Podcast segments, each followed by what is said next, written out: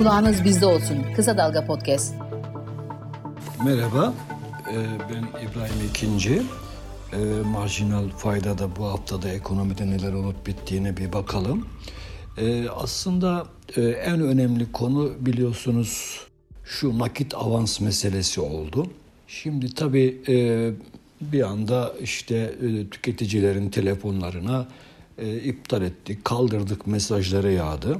Tabii aynı tebliğ ile beraber bir şey daha yaptılar. E, tüketici kredilerini, diğer ticari kredileri de kapsama alarak işte yüzde üçten fazla büyümemesi kuralı getirdiler. Dolayısıyla hem tüketici tarafında hem e, ticari tarafta tüketici kredilerini de kapsayarak bir e, kredi sıkıntısı ortaya çıktı. Ve e, piyasa tabii ki hakikaten durdu bir anda. Yani bir anda kredi kanalları tıkandı. Zaten önemli ölçüde tıkanmıştı hatırlayacaksınız. E, iş dünyasından e, feryatlar yükseliyordu. Finansmana erişemiyoruz, finansmana erişemiyoruz.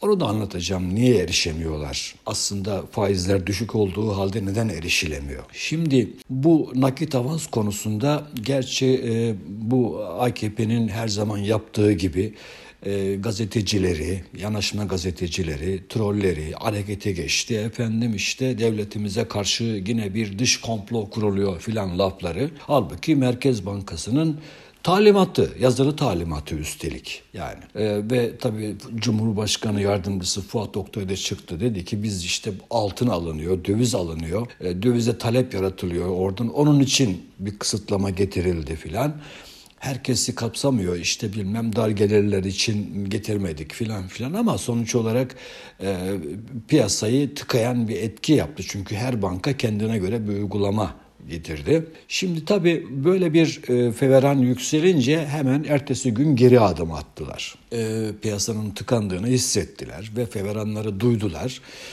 geri adım attılar. Tabii şimdi geri adım atılması iyi bir şey ama sonuçta bir ekonomi yönetiminin böyle şeyler yapmaması lazım. Yani değil mi? İşin o tarafı da var. Ne yapıyorsunuz siz? Yani yaptığınız, aldığınız bir kararın e, e, nasıl etkileri olacağını kestiremiyor musunuz? Yani böyle bir ekonomi yönetimi olur mu? Değil mi? Şimdi işin bir tarafı bu. Bir tarafı da şu. Nakit avansın kaldırılması olayı başlı başına şunu da ifade ediyor. Demek ki dövize büyük bir talep var. Evet doğru. Gerçekten doğru. Dövize büyük bir talep var. Ve hükümet de zaten bundan korkuyor. Bundan kaçıyor. Bundan kaç bundan kaçmak için her şeyi yıkabiliyor işte. Gördüğünüz örnekteki gibi. Dövize talep var. Neden peki? Ya zaten talep olduğunu hep söyledik. Yani seçime doğru da vatandaş dolara geçti. Döviz mevduatlarında artış oldu. Yine KKM'de artış oldu. Çünkü KKM de döviz mevduatı aslında. Dövizde çıpalı bir mevduat. Altın konusunu hatırlarsanız defalarca e, konuştuk ettik altın alıyordu vatandaş. Şimdi bu tabi seçime doğru bir tavırdı ama birinci turdan sonra başka bir manzara ortaya çıktı. Yani Kılıçdaroğlu kazanacak diye CDS'ler düşmüştü. Yani Türkiye'nin ticari kredi faizleri düşmüştü. Sigorta primi düşmüştü. E, yabancı dövizi gelecek diye efendim dış bankaların, yatırımcı bankaların raporları vardı. Hatta bir bankanın hatırlıyorum işte bir yıl vadede 50 milyar dolara yakın para girişi olabilir görüşleri vardı. Ve tabii tamam yani diyelim ki Kılıçdaroğlu Cumhurbaşkanı seçildi. Dövize böyle Merkez Bankası'nın kasasını boşaltarak müdahale edilmeyecek. Tamam döviz o zaman biraz yükselebilir ama aynı zamanda dışarıdan da para gelecek beklentisi vardı. Değil mi? Yani dolayısıyla o biraz dövizdeki hızlı yükselmenin önünü kesecek diye bir beklenti vardı. Fakat birinci turdan ortaya çıkan manzara Erdoğan'ın da kazanabileceği ihtimali havayı bir anda tersine değiştirdi. CDS'ler aldı başını 700'lere vurdu. Çıktı gitti. Diğer yandan millet apar topar dövize koştu. Neden? Çünkü Aynı analizlerde deniyordu ki eğer Erdoğan kazanırsa dövizin 30'u bulması bile mümkün hatta geçmesi bile mümkün diyen yatırımcı raporlarını okumuştuk. Dolayısıyla vatandaş da ya Erdoğan da kazanabilir dolayısıyla döviz çıkabilir beklentisiyle vatandaş dövize koştu. Şimdi vatandaş nakit avans çekiyor faiz ödeyerek kredi çekiyor demektir bu aynı zamanda. Veya tüketici kredisi kullanıyor yine faiz ödeyerek kullanıyor ama gidip döviz alıyor. Niye? E çünkü döviz çok çıkacak diye düşünüyor. Yani böyle bir durum var. Vatandaş aslında ya da yatırımcı aslında e, bu birinci e, e, tur seçim sonucunu kötü okudu yani. Bundan olumsuz etkilendi. Bunu görmemiz gerekiyor. Şimdi tabii bu e, bu mesele devam ediyor. Yani bu kır baskısı devam ediyor.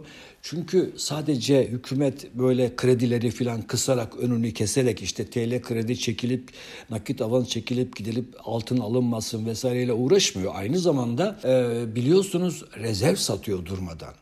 Seçim haftasında 9 milyar dolar satılmış. Seçimden sonraki birkaç gün içerisinde bile 2-3 milyar dolar satılmıştı. En son çıkan Merkez Bankası bilançosuna uzman arkadaşlar bir baktılar ve hesapladılar ki net uluslararası rezervler 2.3 milyar dolar gibi hiç görülmedik bir rakama düşmüş.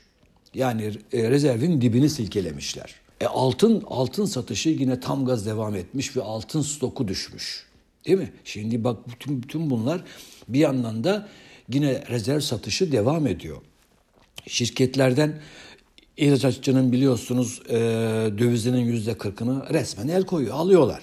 Vermiş, satmak zorundasın Merkez Bankası'na. Değil mi? Ama oradan bir şey gelmiyor. Neden gelmiyor biliyor musunuz? Çünkü e, ithalat daha yüksek. Yani oradan gelenden fazlası ithalata gidiyor. Yani nette orada bir şey kalmıyor Merkez Bankası'na. Ama Kagame konusunda da biliyorsunuz oradan dövizden e, TL'ye dönüşümlü e, KKM mevduatı var. Şimdi vatandaşın dövizini satarak yani vatandaştan topladığı dövizi vatandaşa satarak dövizi tutmaya çalışıyorlar. Her yol mübah. Ne yapacaklar, nasıl çıkacaklar bunun altından bilemiyoruz. Ama gerçek şu, e, ekonominin bütün diğer tarafları olduğu gibi bu Merkez Bankası bilançosu, döviz piyasası, kredi piyasası alt üst olmuş durumda. Kredi kanalları bu nakit avans konusundaki karar geri çekilmesine karşın tıkalı. Neden tıkalı? Size söyleyeyim. Hep anlatıyorum zaten. Nebati'nin, e, hükümetin, Erdoğan'ın iki amacı var. Bir tanesi dövizi tutmak. Mesela şimdi de iki seçim arasında bir kur krizinden kaçmak istiyorlar. Bunun için her şeyi yapıyorlar. Bir diğer amacı da e, bu kendi yandaş şirketlerine ucuz kredi bulmak, ucuz kaynak aktarmak. Onun için ne yaptılar biliyorsunuz? Merkez Bankası'nın politika faizini 8,5'a çektiler. 8,5. Enflasyon 40'ın üstünde, politika faizi 8,5. Böyle bir tablo görülmemiştir. Böyle bir tablo olamaz. Faizler elbette ki çok çok çok çok düşük olmalıdır. Ama ondan önce enflasyon çok çok düşük olmalıdır. Değil mi? Hiç kimse enflasyon 40 iken kendi varlığını bir başkasına yüzde 40'ın altında bir faizle, getiriyle kiralamak istemez. Bu işin tabiatı bu. Şimdi 8,5'a çektiler biliyorsunuz. Döndüler bu sefer şirketlere. Dediler ki siz bak biz size 8,5'tan ucuz kaynak veriyoruz. Siz de şirketlere ucuz kredi vereceksiniz. Tamam verelim ama sen ne kadar kaynak veriyorsun bize? 1 trilyon. E tamam onu kullandırıyoruz. Ama bu kredi talebinin tamamını karşılamıyor ki. Değil mi? E o zaman dediler KKM'de de faiz tavanı vardı o zaman. O zaman KKM'den kullanın. KKM ucuz kaynak. Fakat biliyorsunuz KKM ucuz kaynak olduğu için KKM'den kaçış başlayınca orada faiz tavanını kaldırdılar. Şimdi KKM faizleri de %50'ye geldi. Yani o ucuz kaynakta yok. Yani Merkez Bankası bankaların ensesinde boza pişiriyor. Şirketlere efendim referans faiz çarpı 1.4, referans faiz çarpı 1.8 gibi yani 14, 15, 16'lara gelen oranlardan kredi ver diye baskı yapıyor. Ama bankalarda bu, bu maliyetle sağlanmış bir kaynak yok. Tamam mı? Yani Merkez Bankası'nın yaptığı bir trilyon civarındaki bir fonlamanın dışında bu maliyette bir kaynak yok. Dolayısıyla bankalar ne yapıyorlar? Kredi vermekten kaçınıyorlar. Yokuşa sürüyorlar. Hem tüketiciye kredi vermiyorlar, ekspertizi falan bitmiş kredileri bile vermiyorlar. Hem de şirketlere kredi kullandırmaktan kaçınıyorlar. Vermiyorlar. Ya da veriyorlarsa da hani Merkez Bankası'na ucuz gösterip başka türlü anlaşmalar, kapalı anlaşmalar yapıyorlar. Yani düşünebiliyor musunuz? Bankalar da aslında çok sıkışık durumdalar. Şenol Babuşçu yazmıştı size lafını okuyayım. Yanımda getirmiştim. Diyor ki bankalar diyor artık diyor KKM evet bankalar diyor döviz alıp satmıyor. Merkez Bankası alış kuru piyasanın altında satış kurunun üstünde belirlenmesini istiyor çünkü. Hani vatandaş gidip aldığında banka diyor ki ucuz vereceksin bana. E, vatandaş almak isterse çok pahalı satmaya kalkıyor. Dolayısıyla orayı tıkamış. Zaten başka limitler de var. İşte şu kadar bin dolardan fazla çekemezsin. Şu kadar şirketsen, şu kadar efendim döviz varlığın varsa kredi kullanamazsın gibi kısıtlar da var. Dolayısıyla bir kere bankalarda döviz ticareti önemli ölçüde durmuş durumda. Yurt dışı döviz transferi işlemi kısıtlı yapılabiliyor ancak. Demin söylediğim gibi 50 bin dolar mıydı ne öyle bir sınır getirmişlerdi. Kredi veremiyorlar. Döviz mevduatı toplarsa cezalandırılıyorlar. Çünkü diyor ki döviz mevduatı toplama kardeşim. Hatta bankandaki döviz mevduatını yüzde otuza çek. Yani toplamın yüzde yetmişi TL mevduat olacak gibi baskılar yapıyorlar. E çekmezsen ne olur? Çekmezsen ucuz menkul kıymet satarım sana. Almak zorundasın.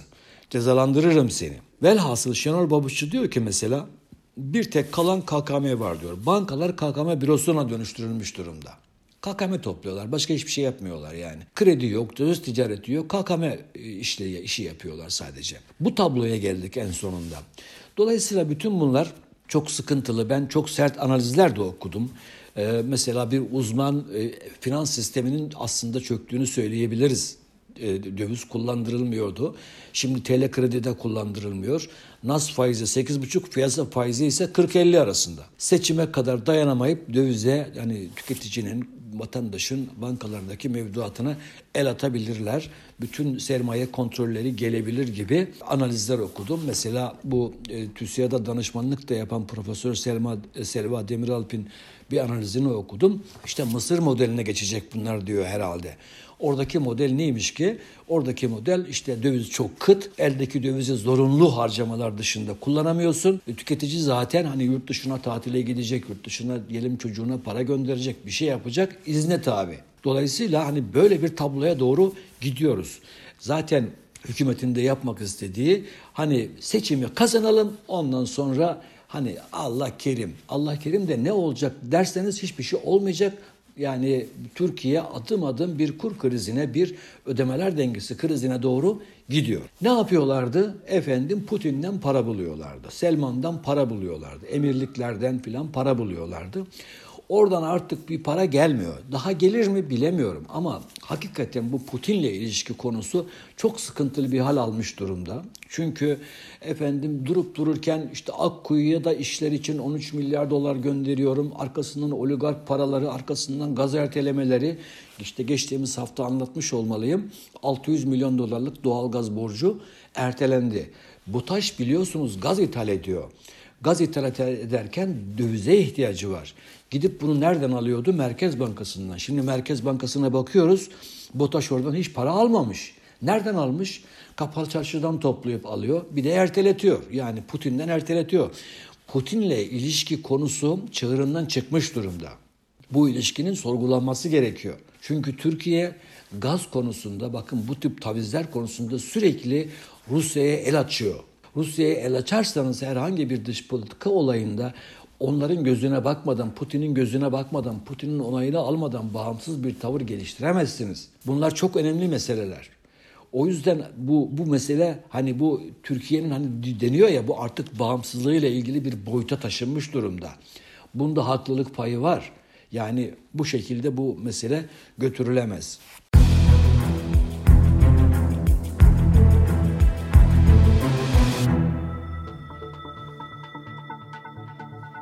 Size bu hafta söylemek istediğim şeylerden bir tanesi de e, iki önemli profesörün analizi. Bunlardan birisi 2009 krizini çok önceden kestirdiği için kendisine kriz kaini denen e, Rubini. Noriel Rubini. Şimdi bu Türkiye için de bir tahminde bulundu bu adam. Şimdi bu adamın tahmini çok manidar. Şöyle okuyayım size. Erdoğan Cumhurbaşkanlığını kazanırsa Türkiye tam teşekküllü para ve mali kriz yaşayacak. Net Merkez Bankası rezervleri şimdiden 60 milyar dolar ekside. Aslında bu rakam şu anda 75 milyar dolara çıktı onu da söyleyeyim bu arada. Cari açık ve enflasyon hızla artıyor. Sermaye kontrolü bu tren kazasını geciktirebilir ama engelleyemez. Bakın seçimden sonra bir hem kasa boş olduğu için hem artık sağdan soldan döviz toplayıp işte bulup getirme imkanları tükendiği için dövizde eğer bir şok yaşarsak enflasyonda da yeni bir şok yaşayacağız. Mesela İyi Partili Bilge Yılmaz böyle bir e, uyarı yapmış. Onun da lafını okuyayım isterseniz size. Diyor ki Erdoğan kazanırsa kur şoku olur, enflasyon yüzde yüzü bulur, tam sermaye kontrolleri gelir, ekonomi durur, işsizlik artar. Dolayısıyla bütün bunlar ihtimal dahilindedir. Size bahsetmek istediğim ikinci profesör Daron Acemoğlu. Yani bu memleketin insanıdır. Amerika'da çalışıyor. Çok e, yani Nobel'e aday gösterilen, e, gösterilmesi beklenen efendim çapta bir iktisatçıdır. O e, bir 11 maddelik Türkiye değerlendirmesi yaptı. Bunun içerisinde ekonomi de vardı. Bakın o bölümü size okuyayım.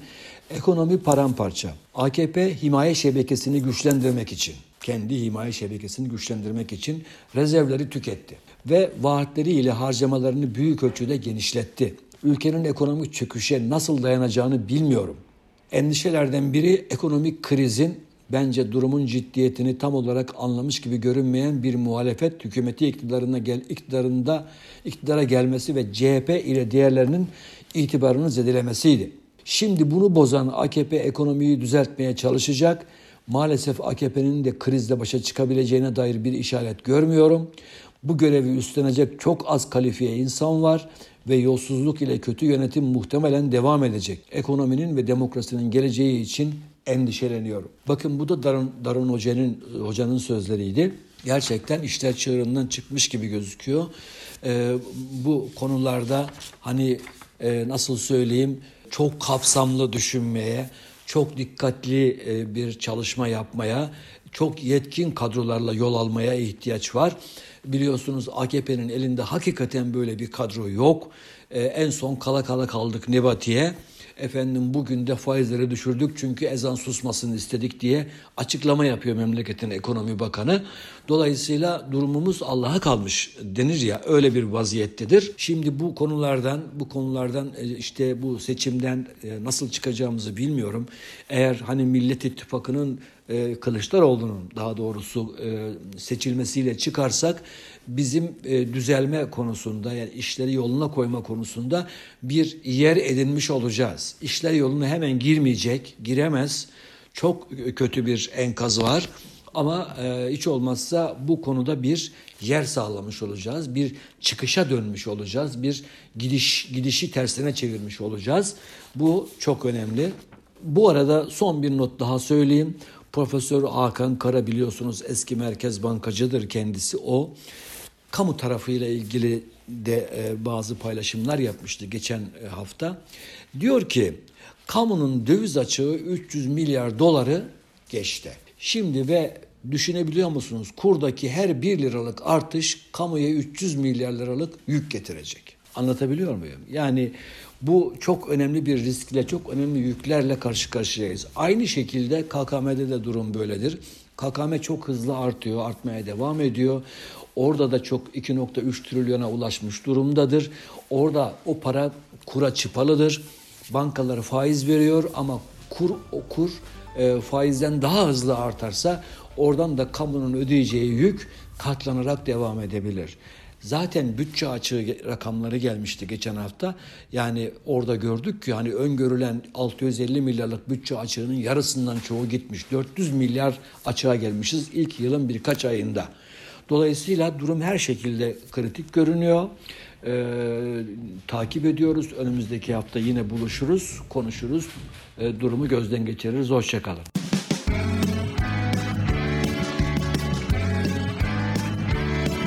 Kulağınız bizde olsun. Kısa Dalga Podcast.